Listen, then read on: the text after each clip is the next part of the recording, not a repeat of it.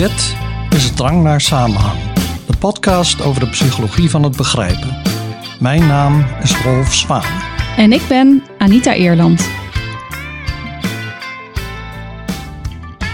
Je hebt ook op judo gezeten, hè? Maar welke sport heb jij nog meer gedaan? Ehm, ik heb veel op atletiek gezeten, daar begon ik mee. Ik zat al op mijn zevende op atletiek. En ik heb op ehm, paardrijden gezeten, niet tot volle tevredenheid. Eh, vaak als ik moest paardrijden, dan ging mijn, moest mijn moeder me zoeken, want dan was ik hem gesmeerd. En ik had ook een vriendje, die zat op voetbal. En ik wilde liever voetballen, dus dan ruilde ik met hem. Dan deed hij mijn paardrijles en ik zijn voetbaltraining. En eh, stiekem. En ja, ik kon toen nog niet op voetbal omdat mijn ouders een zeilboot hadden en we gingen altijd zeilen in het weekend. Dus eh, Oh toen ja. ik oud genoeg was om niet meer mee te hoeven, zeg maar, toen ben ik op voetbal gegaan. En ik heb heel lang gevoetbald tot mijn, eh, ja, ergens in de dertig in Amerika. En ik heb ehm, dus atletiek, voetbal, paardrijden, judo. Dat is wat ik aan georganiseerde sport heb gedaan. Maar ja, eigenlijk wat ik het, het meeste heb gedaan door de jaren heen is hardlopen. Ik heb jarenlang 50 tot 70 kilometer per week hard gelopen. En dat komt denk ik toch wel een beetje omdat ik als kind al gewend was hard te lopen. Mhm. Dat je al vier kilometer moest lopen of zo. En eh, nou ja, nu eigenlijk niet georganiseerde sport. eh, wat, wat ik nu het meeste doe en jij ook, dat is skiën. En eh, wandelingen maken. Ja, ja, precies. Ja, en ik heb verder zelf nog op turnen gezeten en ook op judo. En ik heb natuurlijk ook zwemles gehad Ja, als klein kindje. Maar Ja. ik heb niet eh, aan zwe- eh, zwemwedstrijden of zo meegedaan. Hey, Oh. en heb jij ooit bij een van die sporten een, eh, een psycholoog of een mental coach gehad? Nee, zeker niet. Zeker niet. Ja, ik vraag het even omdat tegenwoordig bij bijna elke professionele sport het zo is dat er een eh, psycholoog of een mental coach betrokken is bij of een individuele sporter Ja. of bij een team. En dat veel, als het al bij een team zo is, dat dan veel individuele sporters daarnaast ook nog hun eigen mental coach hebben. Ja, dat klopt. Nou, een, mooi voorbeeld, dat las ik toevallig afgelopen week, is Denzel Dumfries, hè, de rechtsback of rechter wingback van het Nederlands elftal en van Inter Milaan.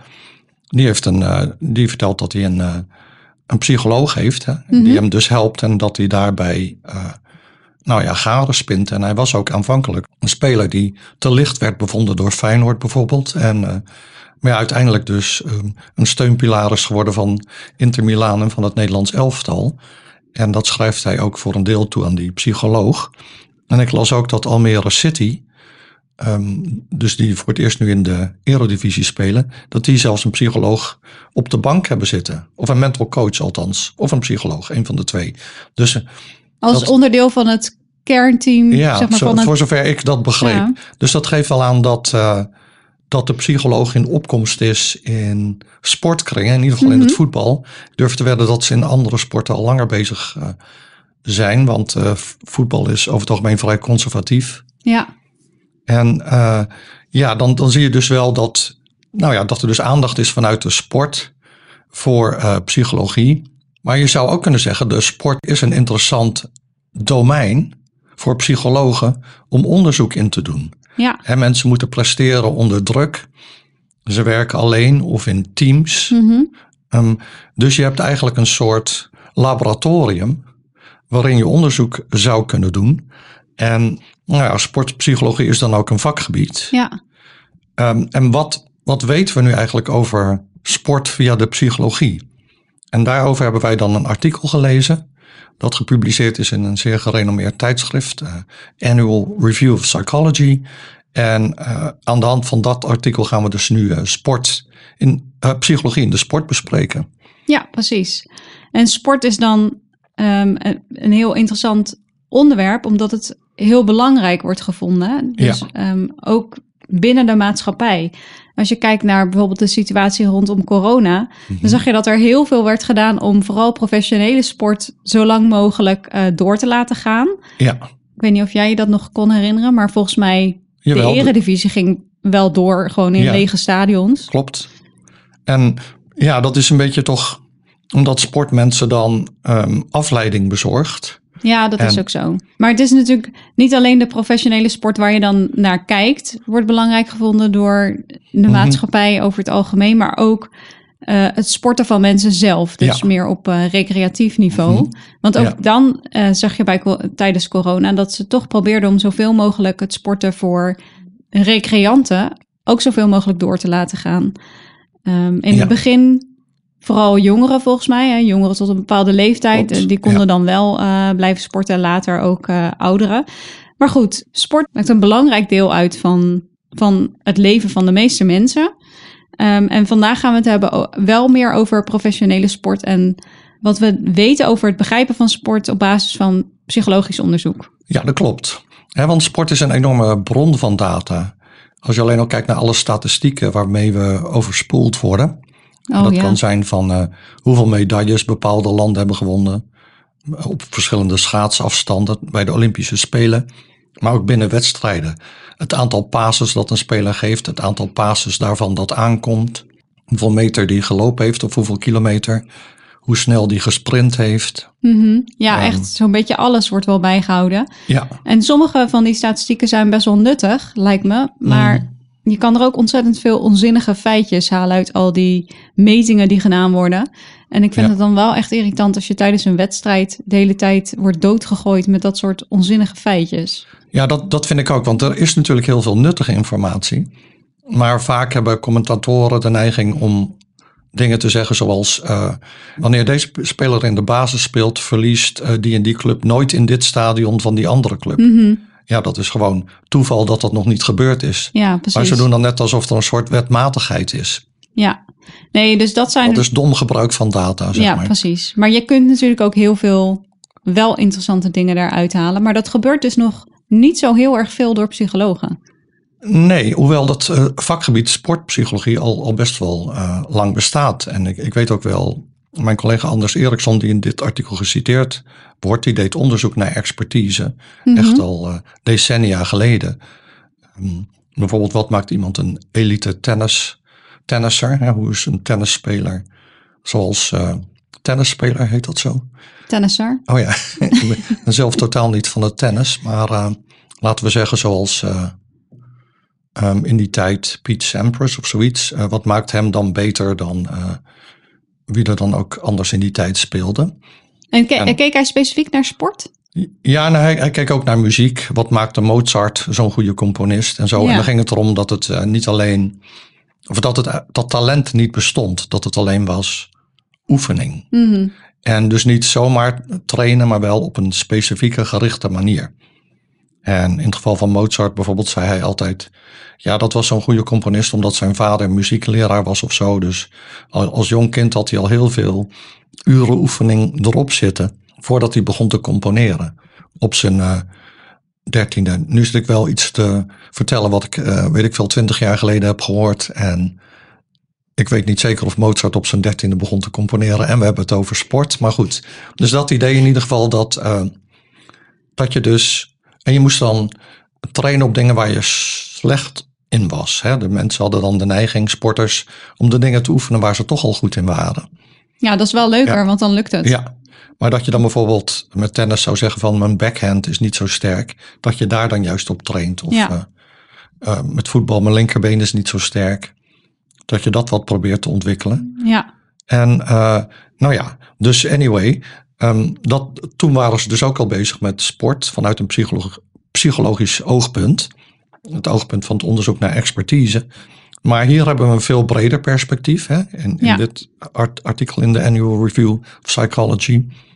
En er zijn eigenlijk vier grote thema's, geloof ik, die, die dan besproken worden. Dus het eerste is de ontwikkeling. Kinderen die beginnen met sporten. Mhm. Het tweede is eh, intra-individueel, dus binnen een persoon. Hè, wat zijn dan factoren die een rol spelen? Bijvoorbeeld of je een perfectionist bent of niet. Dan eh, groepsprocessen Ja. en uiteindelijk eh, de rol van de coach. Ja. Dus daar gaan we het dan over hebben. En we beginnen dan met ontwikkeling. Nou ja, dan is de vraag bijvoorbeeld, moet je vroeg beginnen met een sport? Dan zou je kunnen zeggen ja, want dan, eh, en net zoals Mozart zeg maar, dan ontwikkel je vroeg expertise in een bepaald domein en je leert je eh, richten op een bepaald doel.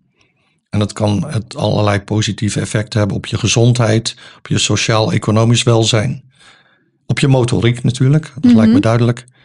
En op het opdoen van uh, leiderschapsvaardigheden, afhankelijk van of je een teamsport bedrijft of niet. Ja. Dat soort dingen. Dus dat, dat kunnen positieve dingen zijn.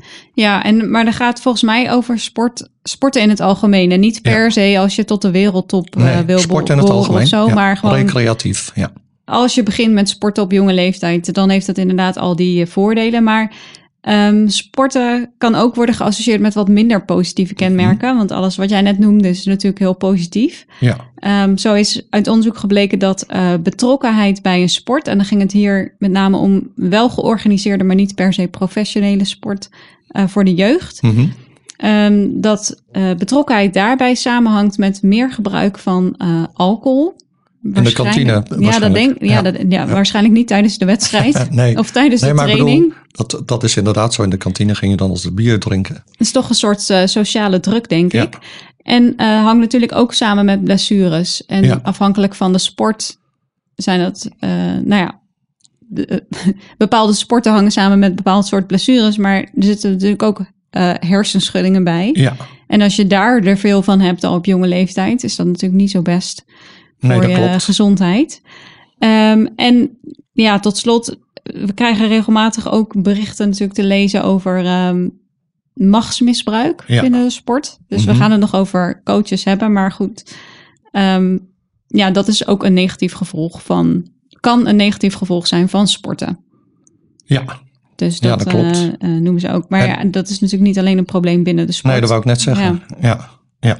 Dat zie je uh, overal. En je had het over uh, sporten. En dan als je jong begint, dan, uh, dan heb je veel, maak je veel vlieguren, zeg maar. Dus dan Ja. um, word je misschien eerder een expert. Mhm. Um, is, het dan heel, is het dan belangrijk om je al heel jong te specialiseren?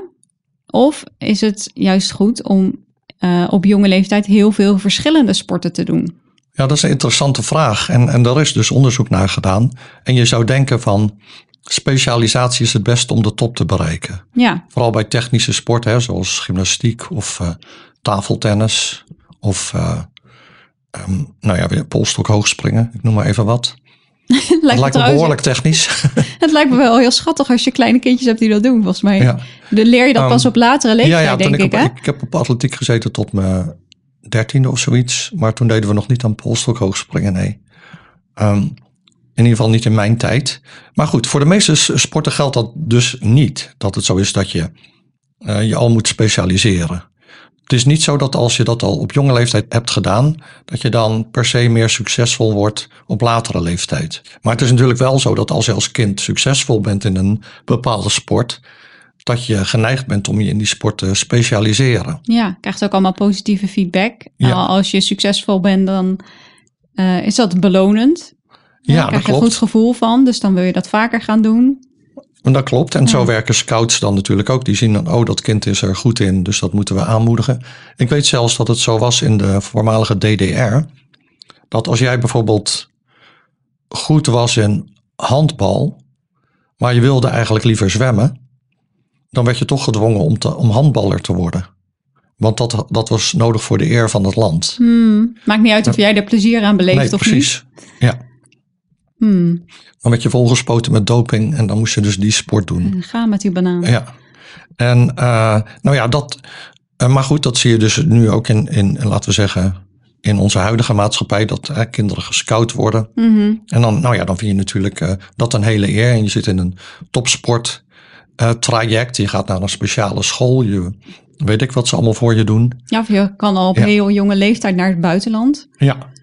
Maar als je dus gaat kijken dan naar topsporters als ze volwassen zijn, dan blijkt juist dat uh, die als kind meer verschillende sporten hebben beoefend. Ah. Dus, dus op de langere termijn blijkt het dan toch eerder een voordeel te zijn geweest, volgens dit onderzoek, als je op jongere leeftijd meerdere sporten hebt bedreven. Ja, dan kun je natuurlijk ook wel gewoon een beetje uitvinden wat je dan leuk vindt. En bij elke sport heb je weer andere vaardigheden. Ja, die dus... je misschien dan kunt gebruiken in, uh, in je nieuwe sport. Nou was ja. Johan Cruijff bijvoorbeeld ook heel goed in honkbal. Oh. Ik weet niet precies hoe je honkbal kunt gebruiken bij voetbal, maar dat is Dus je hem net anekdotisch. wel uitdelen. Ja, maar je mag niet een knuppel meenemen op het veld. Maar, ehm, maar dus ja, in die zin eh, weet ik niet precies of je daar dan wat aan hebt. Maar dat is in ieder geval wel een voorbeeld van iemand die goed was in meerdere spor- sporten. Ja, misschien heb je dan gewoon talent voor, of een sportief talent of zo. Dus dan kun je meerdere Ja. sporten misschien goed doen. Ja, misschien op een, laten we zeggen, en dit staat niet in het artikel, dat speculeren wij nu even, dat je dan Mhm. een aanleg hebt op, op een hoger abstractieniveau. Je hebt bijvoorbeeld goede kunnen. motoriek in het algemeen, of goede oog-hand of oog-voet. Nee, ja, coördinatie. Mhm. Ja, Dat soort dingen. goed kunnen. Of het kan iets cognitiefs zijn ook nog. Ja. Je kunt je beter concentreren of wat dan ook. ja, daar komen we zo nog op. Mhm. Ehm, want hoewel we natuurlijk best wel veel professionele sporters hebben, zijn er maar weinig die bijvoorbeeld eh, ooit een Olympische medaille winnen. Ja, En dat wordt volgens mij toch wel in veel, heel veel sporten gezien als het, het top, ja, toppunt van je carrière als je een Olympische medaille wint.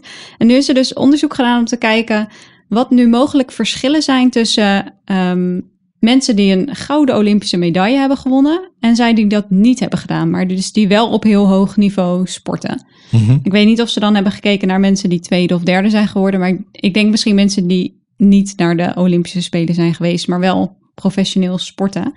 En ze hebben ehm, die sporters zelf geïnterviewd, maar ook de ouders en coaches. En dan hebben ze gekeken met eh, machine learning of je in die output, dus in al die informatie die ehm, de sporter en de omgeving hebben gegenereerd, of ze bepaalde patronen kunnen herkennen. En of je dan dus iets, iets terugziet bij de mensen die een eh, gouden Olympische medaille hebben gewonnen, wat je niet Mhm. ziet in eh, sporters die dat bij mensen die dat niet hebben gewonnen.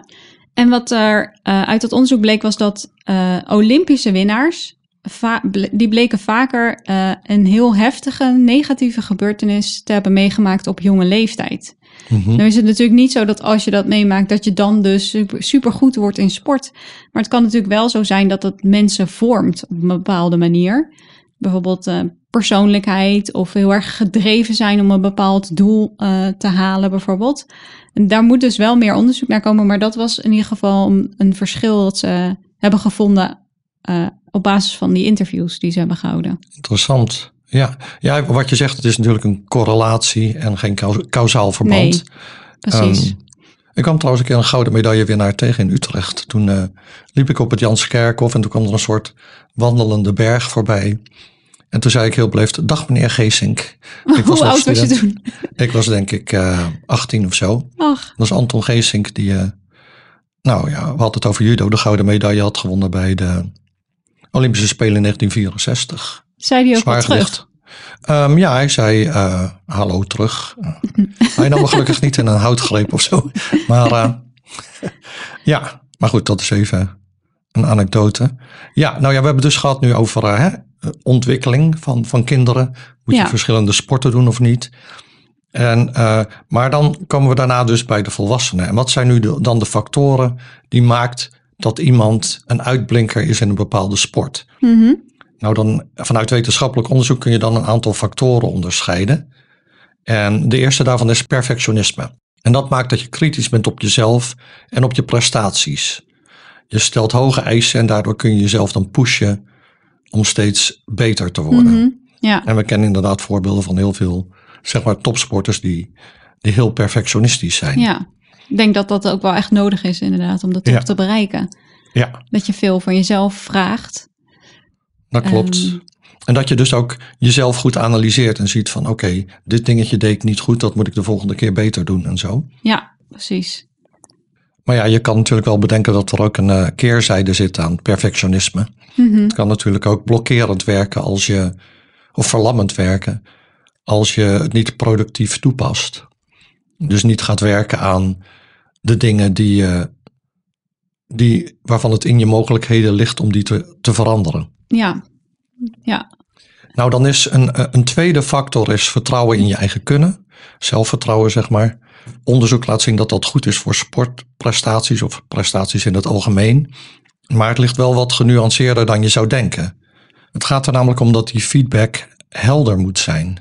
En dus gewoon zeggen, goed gedaan, daar heeft iemand niet wat aan. Je moet dan benoemen wat die persoon goed deed.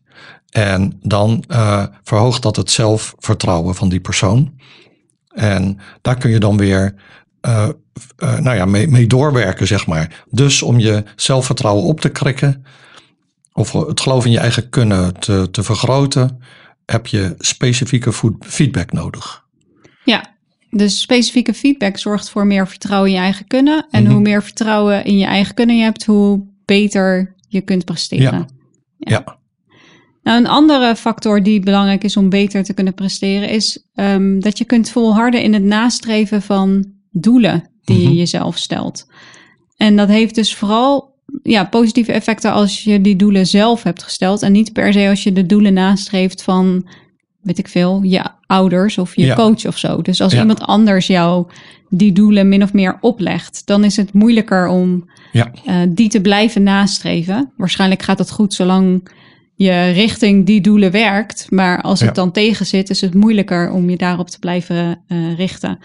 Dus het is ook niet altijd verstandig om aan die bepaalde doelen vast te blijven houden. Je moet, het is wel goed om dat enigszins te hebben, dan leidt het tot een betere prestatie. Maar als jij een doel stelt dat niet realistisch is, bijvoorbeeld, mhm. ja, dan is het niet zo handig om daaraan vast te blijven houden. Want dan levert het alleen maar frustratie op als je weet dat je dat doel niet gaat behalen. Ja, precies. Of misschien weet je dat dan niet, maar dan dat gebeurt er dan niet. Um, en een laatste uh, factor die belangrijk is, als we kijken naar wat maakt iemand nu succesvol als sporter, is het kunnen presteren onder druk. Daar hebben we het al eerder heel kort over uh, gehad. Op zich weten we dat, dat als we onder druk staan, dat dan allerlei uh, psychologische processen minder goed verlopen.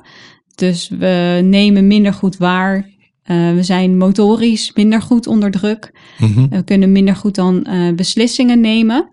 Um, maar wat je ziet bij atleten is dat er hele grote verschillen zijn. En er zijn atleten die zich heel goed kunnen focussen op één taak. En die kunnen dus beter presteren onder mhm. druk.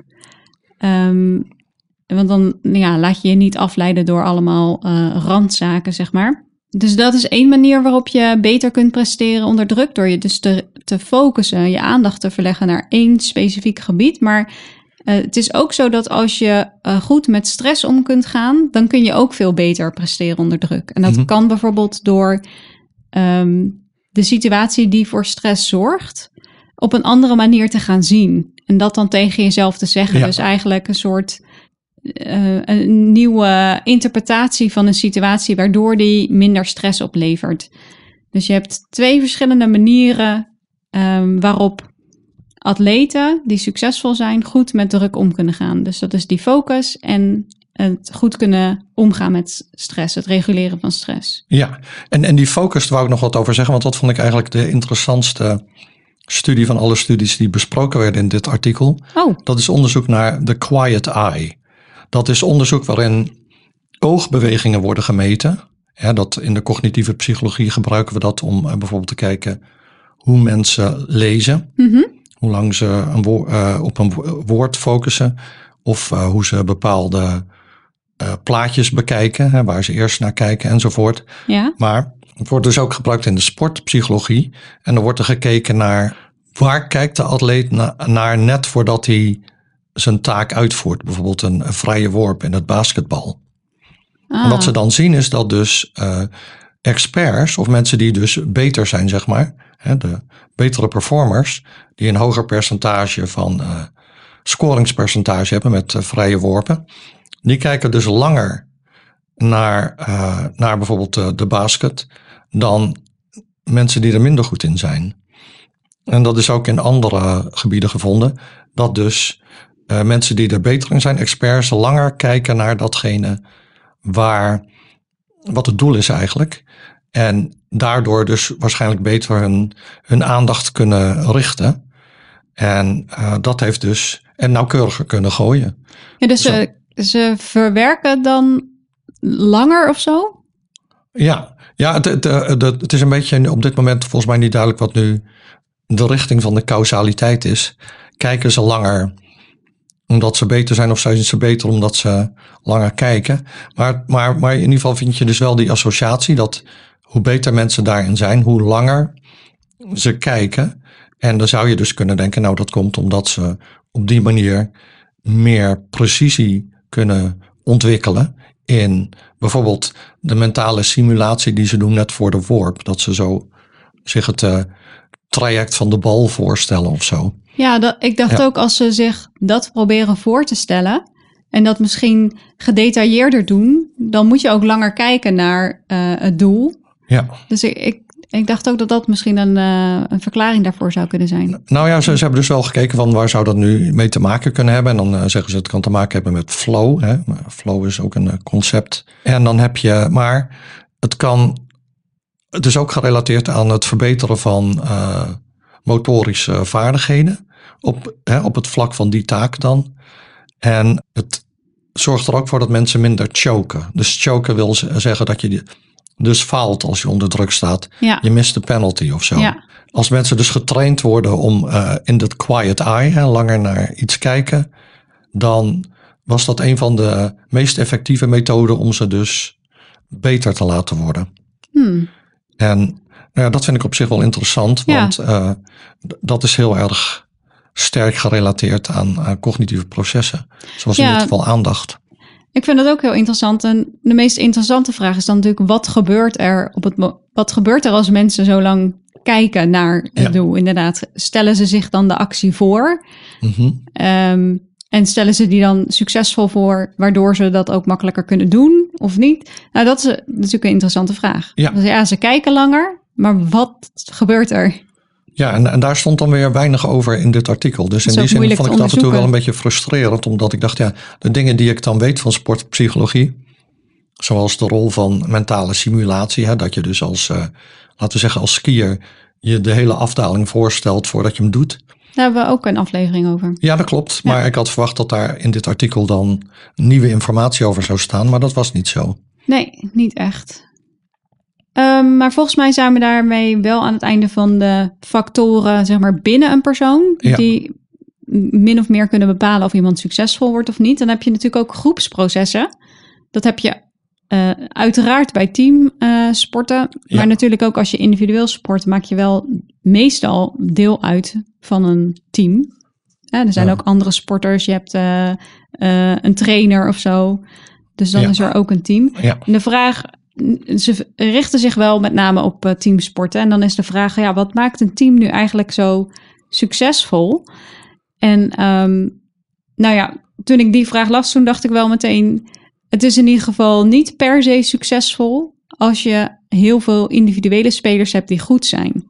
Nee. Dat maakt niet per se een goed team. Nee, dat zagen we met Paris Saint-Germain uh, laatst het afgelopen seizoen met uh, Messi en uh, wie hadden ze nog meer allemaal? Mbappé en mm, Neymar. Drie topspelers, maar toch hebben ze als team gefaald. Mm -hmm.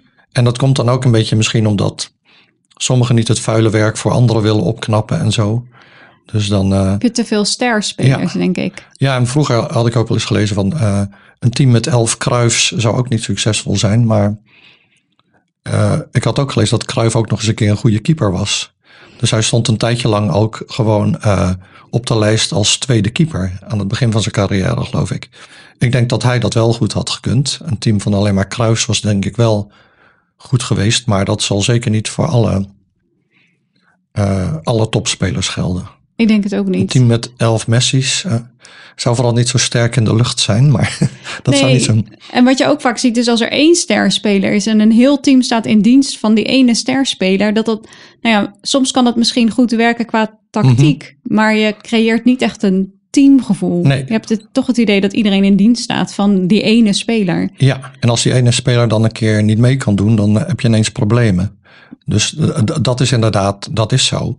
En uh, nou ja, dus de vraag is, hè, dit was nu, nog even onze anekdotische kijk, maar wat laat onderzoek zien? Kun je ook te veel talenten in een team hebben, waardoor het team niet beter gaat uh, presteren? Nou ja, daar is wel best wel veel onderzoek naar gedaan, maar eigenlijk heeft dat niet zo heel veel opgeleverd. Dus er was eerst een studie die, die uh, leek te laten zien dat, um, oké, als je te veel mensen hebt, dan gaat er te, veel uh, talent, Mhm. gaat de, gaan de prestaties weer omlaag. Maar later bleek dat, dat er een statistisch probleem was met dit onderzoek. Dat je dat dus eigenlijk helemaal niet kon zeggen. Nee, maar er waren dus wel al allerlei beslissingen genomen op basis van dat onderzoek. Zo kun je wel Ja. zien hoe belangrijk het is dat we eh, vertrouwen hebben in de wetenschappelijke bevindingen. Want zo'n eh, publicatie van zo'n effect heeft meteen allerlei gevolgen. Ja, waarschijnlijk zaten er niet al te veel statistische sterren in het team van onderzoekers.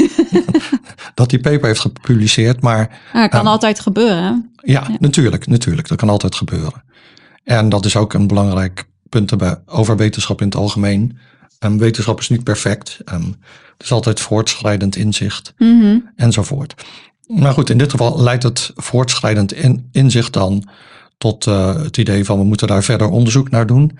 En er is dus ook onderzoek gedaan naar zwemmers die normaal op individuele afstanden zwemmen, de 100 meter of eh, de 100 meter vrije slag of weet ik veel, de 50 meter, eh, een, hoe heet het, schoolslag zeggen ze dat? Ja. Ja, Oké, nou, eh, maar die, die dus die individu- individualisten doen ook vaak mee in de estafette. Net zoals ik op atletiek ook in een estafette team zat. En ja. dan moest je dat stokje overgeven. Nou ja, dan kun je dus kijken naar de nummers 1, 2, 3 en 4. Want er zijn vier mensen in een estafette met zwemmen, maar ook met hardlopen bijvoorbeeld. En eh, wat ze dan vinden is dat de, de nummer 4, dus de laatste zwemmer, Mhm. die presteert beter relatief tot hè, de individuele prestaties van die persoon in, in de estafette. Terwijl de eerste persoon juist minder goed pre- presteert. En dan moet je dus rekening houden met het feit dat, eh, nou ja, dat de start anders is. Bijvoorbeeld met hardlopen is dat zeker zo. De eerste loper die moet echt uit de startblokken weg. Maar de tweede, die rent al als hij het stokje krijgt. Dus Ja. die heeft een veel snellere start. Maar als die individu- individueel zou lopen, dan zou die ook vanuit de startblokken vertrekken. Dus daar moet je dan voor compenseren. Maar met zwemmen is dat natuurlijk niet zo. Met zwemmen duik je. eh, maar ik, dan zie je, bedenk ik nu, je ziet de andere zwemmer aankomen. Dus je hebt wel een, beet, een beter gevoel van wanneer je kunt starten. Terwijl met de eerste zwemmer, die krijgt een startschot. En dat is misschien moeilijker eh, te anticiperen. Ja, dus dat zou dan een verschil tussen de nummer 1 en de nummer 2, 3 en 4 kunnen verklaren. Ja, maar daar hebben ze dus allemaal, eh, daar hebben ze dus allemaal rekening mee gehouden. En eh, Dus de nummer 4 in het team deed het door het team waarschijnlijk dan Ja. beter ja, in teamverband dan als die persoon ehm, op een Ja. individueel nummer zwom. ja, en dat is dan op zich wel leuk om te weten. Maar waarom dat zo is, daar zegt het artikel dan weer niet al te veel over. Nee, het ging er meer om- over of eh, sporten in een team zeg maar de prestatie beter kan maken. Ja, en dan, nou ja, eigenlijk laat dit dan zien, ja in sommige gevallen, nee in andere gevallen. Zelfs dus in, binnen hetzelfde estafette-team. Ja. Maar waarom dat dan is, dat, eh, dat weten we dan nog niet. Nee. En wat ook zo blijkt is dat als de leider vertrouwen in het team heeft en dat ook kenbaar maakt, dan gaat het team beter presteren. Nu moet ik ineens aan Ajax denken, waarin de coach Maurice Stijn, die kreeg allemaal spelers die hij zelf niet wilde. En dan zei hij, nou ja, eigenlijk zei hij, zei hij ervan, de spelers die nu gekocht zijn, daar heb ik niks aan. Maar ja, geen wonder dat dat team dan geen zelfvertrouwen heeft. Nee, dat klopt. Als jouw coach geen vertrouwen in je heeft en dat uitspreekt, nou is de coach niet de leider van het team, dat is dan de aanvoerder, zeg maar. Maar Ja. en we komen straks te spreken over coaches. Maar het gegeven dat, eh, dus een, eh, dat er vertrouwen in het team moet zijn en dat dat ook getoond wordt, dat heeft dus wel een effect op eh, het presteren van dat team. En dat is ook sterker als de leden van het team zich identificeren met het team. Daarom zie je misschien al die volleyballers en handballers. Nee, vooral volleyballers die, die geven elkaar dan high fives of weet ik wat ze doen. elk, punt, geloof na ik, elk punt. Ja. Ja. ja, nou ja, dat zal ongetwijfeld bijdragen aan het wijgevoel. En misschien ook wel een beetje de, ja, de spirit erin houden. Ja, Weet ik niet. Nou, hiërarchie in een team kan helpen om een team tot grotere hoogte te brengen qua prestaties. Als je een leider hebt, wat jij net zei, die vertrouwen heeft in het team en dat Mhm. ook uitspreekt, dan kan dat helpen. Als iemand eh, de rest ook een beetje op sleeptouw neemt. Maar een hiërarchie is niet altijd positief voor de individuen. dat is natuurlijk afhankelijk van jouw positie in die hiërarchie. Ja, Als jij ergens helemaal onderaan bungelt, dan is zo'n hiërarchie misschien eigenlijk helemaal niet zo fijn voor jou. Dan kan het team het wel beter doen, maar mhm. voor individuen Ja. is, eh, ja, sommigen kunnen dan misschien niet tot ont- ontplooiing komen. Ja, dat zou eh, kunnen. Ja, dus we hebben het nu gehad over dus, eh, de ontwikkeling. Mhm. We hebben het gehad over intra-individuele factoren. We hebben het gehad over extra-individueel of eh, team. Teams, ja. En nou ja, de laatste factor is dan coach, ja. coaches. En ja, de relatie tussen de speler en de coach kan natuurlijk de prestaties van een atleet maken of breken. Mhm. En dat hebben we, ja, daar zijn talloze voorbeelden van. En wat zijn dan eh, de aspecten van zo'n relatie die je kunt onderscheiden? Nou, de eerste is eh, hoe dicht je bij die eh, atleet staat als coach. En dus Mhm. heb je een affectieve band met die atleet. De tweede is, ben je gecommitteerd? Hè? Wil je de relatie in stand houden tussen speler en coach? De derde is, zijn, ben je complementair, dus vul je elkaar aan? En de vierde is dan, heb je dezelfde oriëntatie? Heb je hetzelfde doel voor ogen? En dat is dus eh, bijvoorbeeld niet zo voor de hand liggend als de, de atleet eigenlijk een andere coach wil, maar de coach wil wel doorgaan. ja, precies. Nou blijkt uit onderzoek dus dat spelers die een goede band met hun coach hebben, je kunt je voorstellen dat onderzoekers dan vragen van hoe is jouw band met de coach enzovoort. En wat vind je van de feedback en zo. Dan blijkt dus dat eh, nou ja, sp- sporters die een goede, goede band met hun coach hebben, betere feedback krijgen en meer gemotiveerd zijn. En een slechte trainer of coach, iemand die zich agressief gedraagt bijvoorbeeld, dan zie je ook soms dat dat door spelers wordt overgenomen. En dat heeft dan een negatief eff- effect op de prestatie. En dat gedrag, laat onderzoek zien, blijft ook lang bestaan. Ja, dus zo zie je dat als die band goed is, dan lijkt het wel of alles positief wordt eh, beïnvloed. Maar Ja. als het dan eh, negatief is, dan eh, gaat alles minder goed. En dan komt ook die feedback weer terug. Ja. Hè? Dat het belangrijk is om goede, maar vooral heel specifieke feedback te krijgen. En toen ik dat las, toen moest ik denken aan ehm, een documentaire van Feyenoord die we een, een nou, aantal maanden geleden, misschien wel een jaar geleden, hebben gezien. Mhm. En dat was in het jaar waarin, nou ja, het jaar. Ik bedoel, we hebben heel veel jaren gehad waarin het niet zo goed ging met Feyenoord, maar één van die jaren. En Dick Advocaat was toen eh, de trainer. En eh, volgens mij hebben ze hem eh, ongeveer een jaar of zo in dat seizoen gevolgd. En dan zag je dus ook beelden van hoe zij zich voorbereiden op de wedstrijd. En wat er in de kleedkamer gebeurt. in de rust bijvoorbeeld. Dat Mhm. vond ik op zich wel interessant, want dat vroeg ik me wel eens af. Ja, wat zeggen ze dan tegen elkaar? Of hoe gaat een coach dit nu omdraaien bijvoorbeeld? Maar wat me bijstond is dat Dick Advocaat eigenlijk helemaal niet zo heel erg veel eh, specifieks zegt. Nou Dus ja, hij zei zoiets van de beuk erin of zo. eh, en zag je hem zo met zijn vuist in zijn hand. Ja, Dat dit soort moet echt anders. We moeten even knallen en kom op Ja. nou, hè? Ja, ja. denk ik, ja, dat is dus niet heel specifiek. Nee, heel specifiek is om te zeggen tegen een speler: als jij nou eh 10 meter meer naar links loopt, als, we, hè, als de tegenstander de bal heeft, Mhm. dan scherm je dit en dat af of zoiets. Of eh, daar heeft een speler wat aan. Hè? Dan heb je specifieke feedback. Ja, En dat doet de huidige trainer van Feyenoord, Arne Slot, altijd. denken we. Nou ja, maar dat is ook, zelfs als er een blessuregeval is, dan spreekt hij altijd met een speler hier of daar. En dan gaat die speler net iets anders lopen. En dat Mm. heeft dan effect op de wedstrijd. Ja, ik bedoel meer, dat hebben we niet, niet zelf gezien of zo, dat hij dat doet. Maar Nou, je, het nou, je hoort wel. niet wat hij zegt, maar je ziet wel dat, dat hij dan met die speler spra- spreekt en wijst. En dat er dan iets anders gebeurt. En bij Dick Advocaat is natuurlijk ook zo, die documentaire. Ja, er wordt natuurlijk van alles in geknipt en geplakt. Hè? Dus, Ja, eh, dat is ook Het zo. zou ook zou kunnen zijn dat dat het beeld is dat de documentairemaker van hem wilde creëren. Maar ik vind het wel op zich een mooie studie in contrasten met betrekking tot feedback. Ik denk wel dat spelers en iedereen gewoon iets heeft aan hele specifieke feedback. Maar dat vereist dus van de coach een hele analytische aanpak. Ja, En dan is het dus misschien ook wel handig om een psycholoog op de bank te hebben zitten die dan merkt van deze speler lijkt minder geconcentreerd en eh, of weet ik veel wat, eh, zit niet goed in zijn vel en daar kan dan eh, wat aan gedaan worden. ja, er komt zeker bij professionele sport ook zoveel bij kijken. Als je op professioneel eh, niveau gaat sporten, dan gaat een hele nieuwe wereld voor je open. En iedereen wil wat van je en zo. Dus ik denk ook dat het heel belangrijk is dat een, een mental coach daarbij kan helpen. Ja, dat ook nog. Nou, tot zover onze excursie in het interessante domein van de sportpsychologie.